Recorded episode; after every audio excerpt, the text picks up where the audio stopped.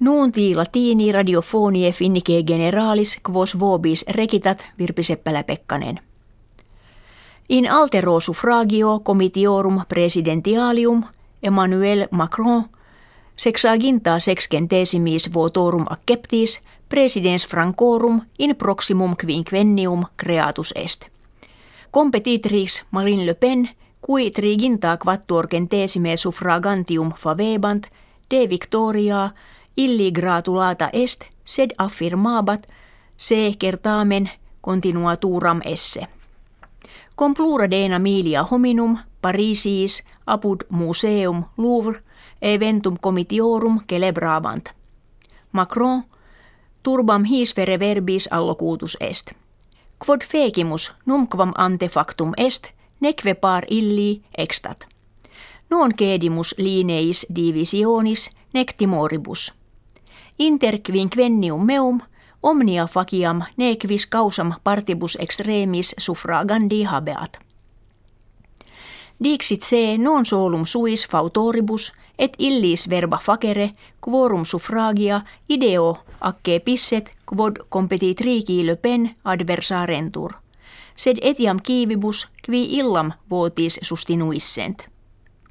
Turba sponte plaudebat cum mentionem conjugis virgitte et familie sue fecisset, iterumque cum libertatem fraternitatem equitatem defendere promisisset. Macron, unde quadraginta annos natus, est junior quam quisquam ante eum presidens Frankie. Studiis in scola nationali administrationis perfectis argentarius investionum factus est, dein minister a rebus economicis in regimine presidentis Hollande. Quo munere relicto motum politicum nomine en marche condidit. Presidens Finnie Sauli Niinistö kien sebat victoriam Macronis esse bonum nuntium europeis. Illum aliquid novi in Europam alla turum esse cum questiones economiae et securitatis magni haberet. Integrationem Europae fieri posse solidiorem quod etiam finnis prodesset. Itemque Juha Sipilä primus minister Finnie eventum gratum habebat. Jean-Claude Juncker, preses commissionis europee, in conventu nuper Florentie facto, orationem inauguralem Franco Gallice habuit etsi in ketibus internationalibus sermones anglicae faceres olet. Nuuntiavit causam esse, quod postquam Britannia ab unione europea exire constituisset, anglica lingua minorem in Europa quam anteavim haberet. Princeps Philippus maritus regine Britanniae autumno proximo ex officiis publicis se recipiet.